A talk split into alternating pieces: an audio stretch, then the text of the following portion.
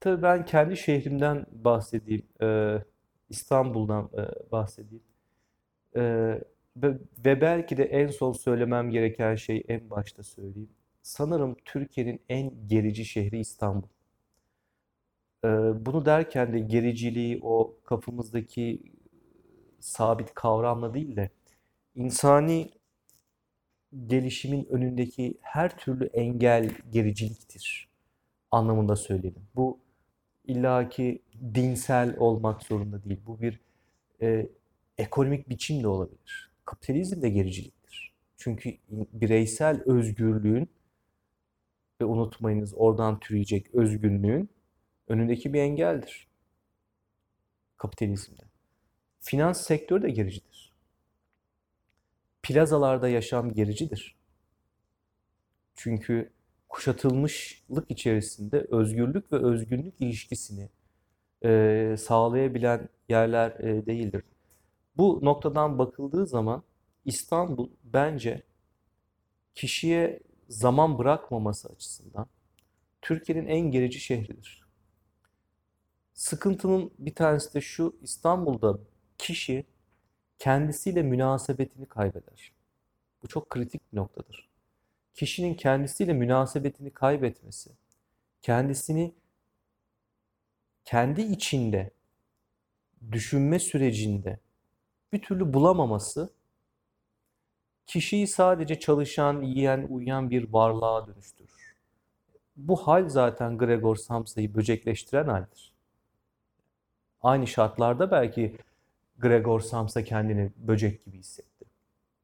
Bu işte bu bir geriliktir. İnsan formundan böcek formuna gerilemedir.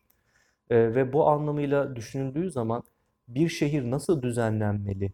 Yi e, belki kişilerin kendisiyle münasebete geçebileceği, ilişkiye geçebileceği, kendisiyle bir rabıta kurabileceği şehirlere doğru gidiş.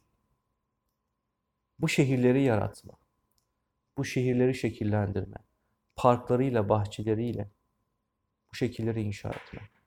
Ee, bir de şöyle bir durum var ama e, ben yalnızlık taraftarıyımdır. Öyle kalabalıkta her cuma çoluk çocuk hopa filan orada fikir gelişmez. Orada bir yere varamazsın.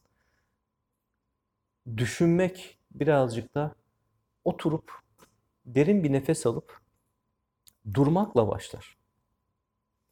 Ee, bizim Serdar hocamızın, Serdar Öztürk hocanından öğrendiğim e, hoş bir örnek var. Ben e, o kısmı bilmiyordum. E, bu üç silahşörlerde. E, dinamiti döşer silahşör ve koşmaya başlar. Dinamit çünkü fitili yakmıştır, patlayacaktır. Mekan bulunduğu ortamdan koşacak. Koşmaya başlar. Koşarken koşmak üzerine düşünmeye başlar. Düşünmeye başlayınca yavaşlar ve durur. Koşmak üstünde düşünmeye başladığında yavaşlar ve durur. Düşünmek birazcık da durmakla alakalıdır. Çünkü durup başlaman gerekir. Ve sakinlik, sakin olacaksın. Rahatlayacaksın. Ve yan, bence bir inzivada, münzevi bir halde e, olacaksın. E, bu da zaman demektir. Aynı zamanda. E, zamana ihtiyacım var demektir. Kişilere kendisini yaratabilmek için siz bunu aynı zamanda kişinin eser verebilmesi olarak algılayınız. Ee, zaman veren şehirler ilerici şehirlerdir. Özgün bireyleri yaratma alt zeminini oluşturan şehirler ilerici şehirlerdir. İstanbul bu noktadan düşünüldüğü vakit gerici bir şehirdir. Çünkü biz sürekli koşuyoruz İstanbul'da koş, koşarken koşmayı düşünmüyoruz. Düşünemiyoruz. Kendimiz de münasebetimizi kaybetmişiz çünkü. Kendimizle irtibatı yitirmişiz. Ee, bu anlamıyla kendisiyle irtibatı yitiren bir bireyin kendisini tanımlamada, kendisini tanımada eksik kalacağını, çünkü iyi bir eser veremeyeceğini, o eser üstünden kendi öyküsünü inşa edemeyeceğini düşünmekteyim. Bu şehirler küçük olmalıdır. O küçük yapı içerisinde estetize edilmiş olmalıdır.